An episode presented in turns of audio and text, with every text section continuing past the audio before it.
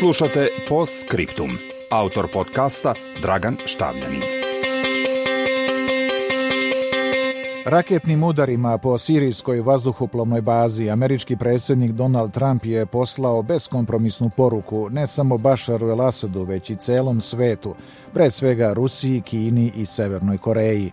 Međutim, američka intervencija neće ubrzati okončanje šestogodišnjeg rata u Siriji, a još manje pronalaženje političkog rešenja.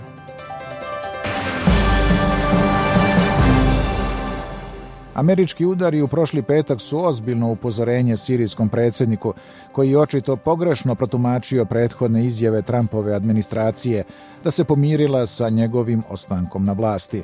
U vazdušnim udarima sirijskih snaga stradalo je od hemijskih otrova najmanje 80 civila, zašto je Zapad optužio Asada, dok su on, Rusija i Iran to negirali. U svakom slučaju nije se mogla predvideti tako žestoka reakcija novog američkog predsjednika, tim pre što se protivio sličnoj akciji 2013.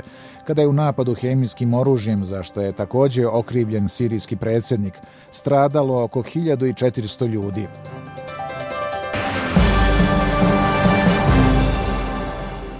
Kremlj je verovatno zatečen američkom akcijom koju je nazvao aktom agresije. SAD teško mogu da računaju da će se Rusija tek tako odreći Asada, a naročito da povuče svoje trupe iz Sirije, pogotovo u trenutku kada vlada veliki odijum u američkoj javnosti prema njoj zbog navoda o mešanju u predsjedničke izbore. U Siriji se nalaze jedine ruske baze u sredozemlju i Moskva će pristati na povlačenje samo ako vojnički bude na to prinuđena.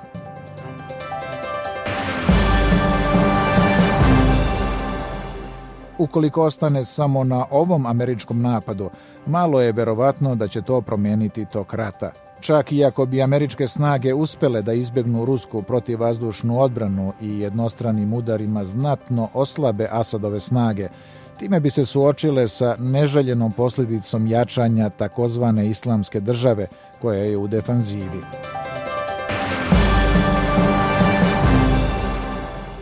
Međuvremenu osustvo bilo kakvog političkog konsenzusa, logika i dinamika sukoba vodi njihovom produbljivanju. Gotovo svi su razmestili trupe u Siriji, pa su incidenti gotovo neizbežni. Naravno, ključno je pitanje da li će i u kom trenutku doći do direktnog sukoba američkih i ruskih snaga, što bi imalo nesagledive posljedice. Takva je bila situacija uoči Prvog svjetskog rata.